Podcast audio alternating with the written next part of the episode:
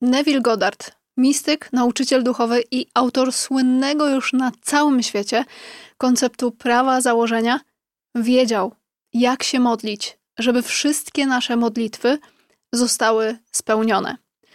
W rzeczy samej nauczyciele, którzy mówią o energii, o prawie przyciągania czy mocy umysłu w stanie koherentnym, jak Deepak Chopra, Marianne Williamson, Joe Dispenza, Louis Hay czy Eckhart Tolle, również odnoszą się do modlitwy i uczą jej w ten sam sposób, w jaki robił to właśnie Neville Goddard. Jak więc modlić się, żeby Twoje modlitwy zostały spełnione? Jak rozmawiać z wszechświatem, żeby dawał Ci to, czego pragniesz? Jak stać się jednym z Twoim pragnieniem? O tym będę mówiła w dzisiejszym odcinku podcastu, ale zanim do niego przejdę, już od razu chcę Cię zaprosić do praktycznego warsztatu ucieleśniania założeń, który odbywa się w pełni online. Jeśli chcesz opanować sztukę materializowania pragnień, to jest przestrzeń dla Ciebie. Jest to szkolenie oparte o nauki Neville'a Godarda, zmiksowane z naszym wieloletnim doświadczeniem w ucieleśnianiu sobie różnych celów. W połączeniu także z zagadnieniami takimi jak transurfing rzeczywistości, fizyka kwantowa, rozwój duchowy i praca z energią. Szczegóły warsztatów znajdziesz w opisie tego podcastu. Z serca zapraszam. No i przy okazji, cześć! Jeśli jesteś tutaj po raz pierwszy, ja mam na imię Honorata i razem z Sylwią na tym kanale i w podcaście Wysokie Wibracje uczymy ludzkim językiem o rozwoju duchowym, pomagając Tobie i innym odkryć potencjał, jaki drzemie w samym centrum naszego ludzkiego istnienia, czyli w naszych sercach. A o modlitwie według instrukcji Neville'a Godarda będę dzisiaj mówiła, dlatego że bardzo często dostajemy pytania w stylu dziewczyny.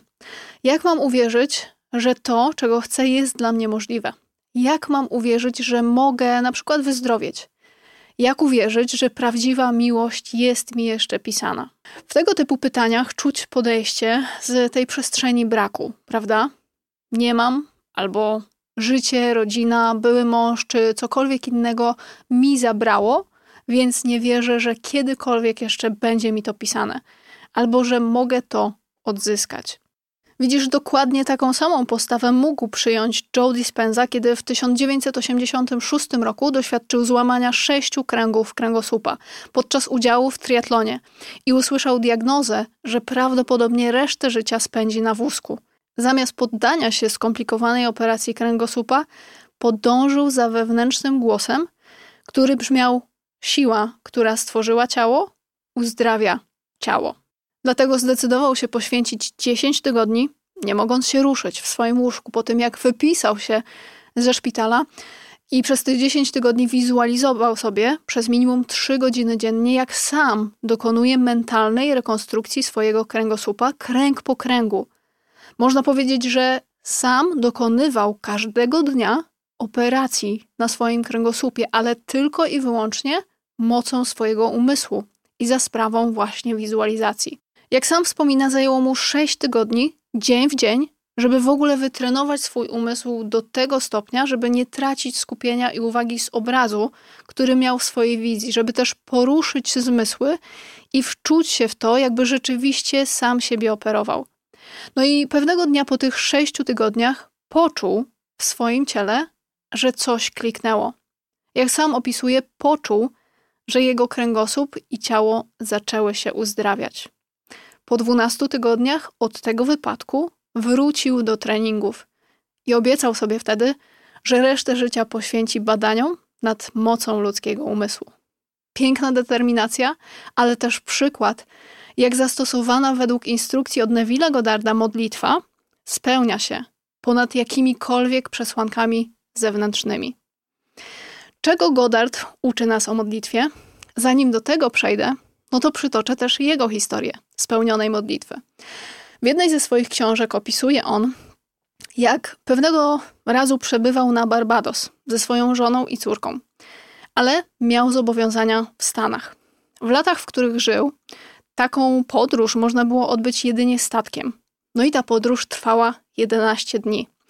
Kolejka osób oczekujących na podróż statkiem była wtedy na ładnych kilka miesięcy do przodu. I na początku roku usłyszał on od kapitana statku, że najbliższy termin dostępny dla niego to jest sierpień, a on potrzebował być w Stanach w maju tego danego roku najpóźniej, żeby właśnie wypełnić te swoje różne zobowiązania. Więc to, co zrobił, to po otrzymanej informacji o braku miejsc, poszedł do swojego pokoju, usiadł na krześle i zaczął wizualizować. I wyobrażać sobie, jak z małej łodzi podpływa do statku i wchodzi na drabinie na ten statek. A za nim robi to jego rodzina. Poświęcił on, jak opisuje, kilka godzin na wizualizowanie sobie tego procesu, też po to, żeby jego zmysły w pełni to poczuły. A kiedy tracił skupienie, wracał na początek drabiny i pokonywał ten dystans od nowa, tak żeby w pełni czuć, jak wspina się szczebel po szczeblu, meldując swoją obecność na statku z Barbados do Stanów. Po kilku godzinach, kiedy jego umysł był już wytrenowany w tym procesie i Neville dokładnie widział scenę, w której wchodzi na statek, położył się na krótką drzemkę. I jak się zdaje, albo tego samego dnia, albo chyba następnego, otrzymał wiadomość, że zwolniło się miejsce na statku i że on ze swoją rodziną może ruszyć w podróż wcześniej. Dzięki temu był na czas, żeby spełnić swoje zobowiązania. No i jak się jeszcze też dowiedział, okazało się, że jedna kobieta zwolniła wtedy miejsce, no bo bała się płynąć, a miejsce miała zarezerwowane w kajucie, w której było piętrowe łóżko. Dzięki temu jego żona i córka mogły spać na dole, a on na górze. Tak, w tych dwóch historiach masz już tak naprawdę dokładną instrukcję, jak się modlić, żeby Twoje modlitwy zostały spełnione. I możesz wyraźnie zauważyć, jak ten rodzaj modlitwy różni się od tego, jakiego większość z nas jest uczona od dziecka. Za chwilę opowiem jeszcze dokładnie o takich kluczowych pięciu krokach modlitwy, ale też y, chcę teraz przytoczyć najbardziej kluczowe przesłania Godarda, które w ogóle pomagają nam przetransformować definiowanie i rozumienie modlitwy oraz pewnych jej warunków. Zobacz, kiedy wyobrażamy sobie kogoś modlącego się, no to najczęściej większość z nas będzie miała przed oczami człowieka klęczącego i proszącego o to, czego mu dziś brakuje. Ewentualnie błagającego, krzyczącego o zesłanie znaków albo wsparcia w realizacji tego jego pragnienia. Najczęściej przeważającym uczuciem takiej osoby w modlitwie jest właśnie to uczucie braku, czyli proszę ześlij mi, ześlij mi, bo tego nie mam. Brakuje mi tego, chcę to mieć, ale tego e, nie mam na teraz, jest to bardzo odległe. Jeśli uważnie słuchasz naszych podcastów i nawet ostatnich kilkunastu odcinków, które się pojawiły, to wiesz już bardzo dobrze, że ogromne znaczenie w urzeczywistnianiu celów i marzeń ma to, czy jesteś jednym ze swoim pragnieniem. Nie jest się jednym ze swoim pragnieniem, kiedy skupiamy swoją uwagę i energię na myślach i emocjach pod tytułem nie mam tego, brakuje mi tego, to nie jest możliwe, albo zabrano mi, życie nie jest sprawiedliwe i tak dalej. Zobacz, w przypadku tych dwóch wcześniejszych historii możesz dokładnie zauważyć, że każdy z nich przyjął to, co inni im mówili, jako jedną z ewentualności, ale zdecydowali się wyjść ponad to, co słyszeli i widzieli na teraz, żeby w pełni poświęcić swoją energię na doświadczanie spełnionej wizji. W swoim ciele w swoich emocjach i myślach utrzymywali poczucie spełnionego pragnienia, bez względu na to, jaka była na dany moment ta twarda czy też fizyczna rzeczywistość. Goddard tak pięknie tłumaczy to w jednym ze swoich fragmentów przekazów, że większość osób źle rozumie nie tylko pojęcie samej modlitwy, ale też pokuty oraz Boga Ojca. I tak mówi on, że kluczowy błąd polega na tym, jak definiujemy dziś pokutę i stan pokutowania. No i tu proste pytanie do ciebie. Jak ty dziś rozumiesz to pokutowanie dla siebie? Prawdopodobnie, tak jak większość osób, jako stan żałowania za swoje grzechy, prawda? Pokuta w naszych wizjach to jest stan takiego uciemiężenia, skruchy, słabości, gorszości, bycia niegodnym, no i zdecydowanie niezasługującym na zbawienie czy też na łaskę Bożą. Tymczasem Pokuta to jest zupełnie coś innego. Pokuta, jak mówi Neville, to znaczy radykalna zmiana postawy. Radykalna zmiana postawy. Pokutować to jest zmienić stan swojej świadomości. Z tego, który był daleki od jedności z Bogiem Ojcem, na ten, który do tej jedności powraca. Ja i Ojciec jedno jesteśmy. Ewangelia Jana 10:30. Bo jak mówi dalej Goddard, kiedy radykalnie zmienimy swoją postawę wobec świata i jakiejś sytuacji, wtedy widzimy ten świat z poziomu tej zmiany. Nasza zmiana ma dotyczyć stanu świadomości. Twój stan świadomości zawsze będzie uzewnętrzniony, ponieważ jesteśmy niezliczonymi stanami świadomości, zawsze wypchniętymi na zewnątrz. Pokuta jest zarówno darem od Boga, jak i ludzką odpowiedzialnością, kluczowym elementem wpływającym na jakość naszych modlitw i to, czy zostaną one spełnione, czy też inaczej mówiąc, ucieleśnione przez stan właśnie naszej świadomości, czy też spełnione nie będą. No i tu oczywiście należy podkreślić tę jedność z Bogiem, o której też mówi Biblia i którą tłumaczy w wielu swoich przesłaniach właśnie Neville. E, Bóg dla Neville'a to jest nic innego jak pełna świadomość. Ta niewytłumaczalna, ponadczasowa, ponadumysłowa inteligencja, która energię myśli i emocji przywołuje do materii, która zawiera się w naszej ludzkiej podświadomości, będąc wspieraną przez energię serca. Kiedy ludzka świadomość i podświadomość i serce stają się jednym, czyli tworzą w jedności, w jednym kierunku, to jest właśnie moment, w którym nasze modlitwy i założenia się spełniają. No i ten słynny, mój ulubiony zresztą cytat Godarda, który brzmi: Przestań wierzyć w Boga, zacznij wierzyć jak Bóg. Myślę, że zawarta jest w nim cała esencja przekazu na temat spełniania się naszych modlitw. I tak, jeśli przyjrzysz się tym swoim dotychczasowym niespełnionym modlitwom, no to pewnie będziesz mogła i mógł zauważyć, że tak naprawdę każda Twoja modlitwa została przez Ciebie, jako jednego z Bogiem, wysłuchana i dostarczona. Każdy Twój stan świadomości z tego momentu i przestrzeni proszenia został dokładnie przez Ciebie uzewnętrzniony zmaterializował się zgodnie z postawą i świadomością, jaką miałaś czy też miałeś w danej chwili.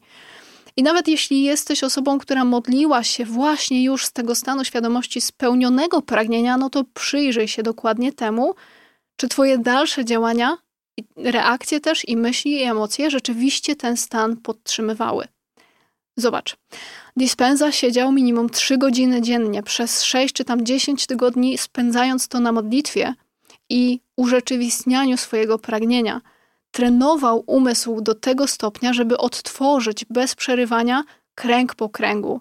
Neville też trenował umysł przez kilka godzin, żeby dokładnie czuć ten stan wchodzenia na drabinę i na statek. Tymczasem, co my najczęściej robimy? Zniechęcamy się po 15 minutach, bo nam nóżki cierpną, bo telefon bzyczy, bo jesteśmy zmęczeni, bo dostaliśmy coś innego niż chcieliśmy, albo wysyłamy prośby do tego Boga rozumianego jako zewnętrzna, oddalona od nas siła. I robimy to z braku. I idziemy pokutować, rozumiejąc tę pokutę jako żałowanie za grzechy. Myślę, że warto przedefiniować dla siebie to znaczenie pokuty właśnie na radykalną zmianę postawy, a grzech jako oddalenie się świadomością od swojego pragnienia działając przez to przeciwko sobie. No więc na czym polega ta poprawna modlitwa? Jak komunikować się z wszechświatem, żeby Twoje modlitwy i pragnienia zaczęły się w końcu spełniać? Po pierwsze, musisz dokładnie przyjrzeć się temu, jakim myślom nadajesz dziś znaczenie i na czym skupiona jest Twoja uwaga. Czy rzeczywiście Twoje myśli, a potem także emocje i działania wspierają ten stan spełnionego pragnienia? Świadomości, że już jesteś jednym ze swoim pragnieniem.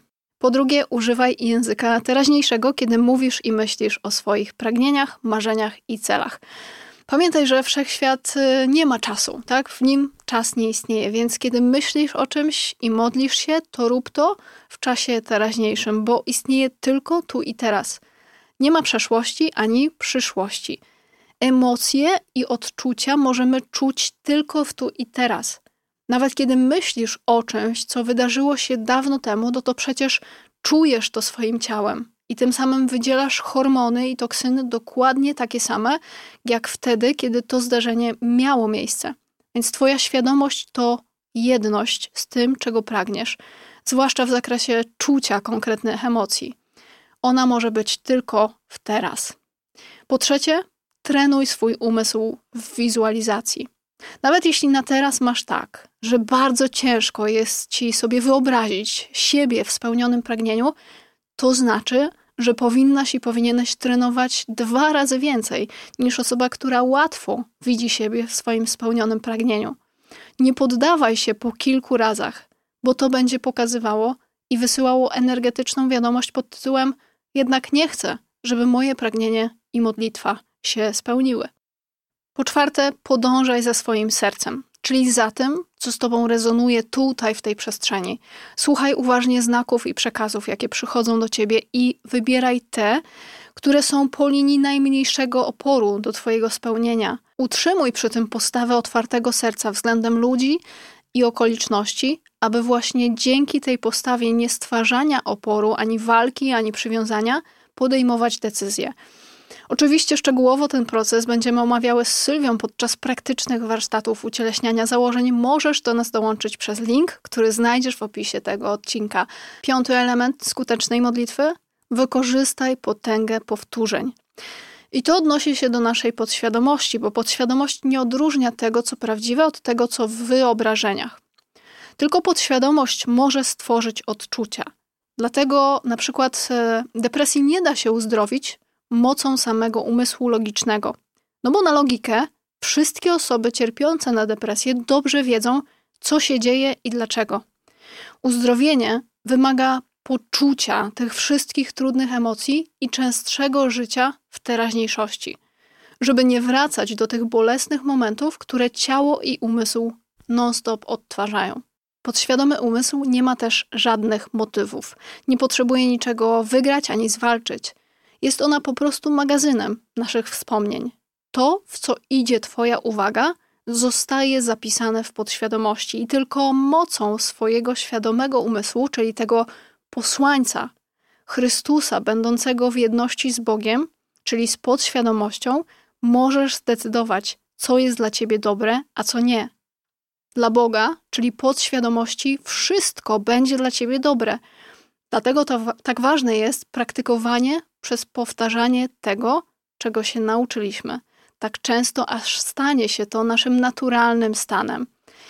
I właśnie dlatego na początku tego odcinka pojawiły się dwie historie wskazujące, jak się modlić, żeby modlitwy zostały wysłuchane. A na koniec opowiem Ci jeszcze jedną. Pewien lekarz z Chin imieniem Yin odkrył sposób na wyleczenie rzadkiej choroby dziecięcej. Stworzył mieszankę ziół i leków, która miała skuteczność aż 96%. Był bardzo dumny ze swojego odkrycia i chciał, żeby było ono znane na całym świecie. Chciał też móc jak najszybciej leczyć tą metodą swoich najmniejszych pacjentów. Ze swoim odkryciem został więc zaproszony do przemówienia na międzynarodową konferencję dla lekarzy w Nowym Orleanie w USA. Kupił więc bilet, wsiadł w samolot, no i ruszył w podróż. Po kilku godzinach od e, startu usłyszał od pilota, że samolot ma problem z silnikiem i muszą podjąć awaryjne lądowanie w Houston. Lekarz bardzo się wtedy zdenerwował, bo przecież spieszył się na konferencję. Na lotnisku poinformowano go, że nie ma oczywiście tego dnia już lotów do Nowego Orleanu, ale że może wziąć samochód. Podróż tym samochodem potrwałaby kolejnych kilka godzin. No i zdecydował się na tę opcję. Kiedy był już w drodze, zerwała się silna burza. Jechał zmęczony i głodny, a w dodatku bez GPS-a. Po kilku godzinach zorientował się, że źle skręcił. Nagle był na pustkowiu, na którym domy były od siebie oddalone o kilka kilometrów. W końcu zdecydował się zatrzymać przy jednym z nich i poprosić o posiłek i pomoc. No i drzwi otworzyła mu pewna kobieta, która od razu zdecydowała się udzielić mu pomocy, zapraszając go do domu. Zrobiła mu kolację, a kiedy ten jadł, ona przeprosiła go na chwilę i poszła do salonu. Mężczyzna zorientował się, że w salonie było łóżeczko, a w nim małe dziecko. Kiedy kobieta wróciła do stołu, In e, zapytał, jak dziecko ma na imię. Dylan. Byłam podziękować mu za to, że jest już zdrowy. Robię to kilka razy dziennie, z ogromną wdzięcznością.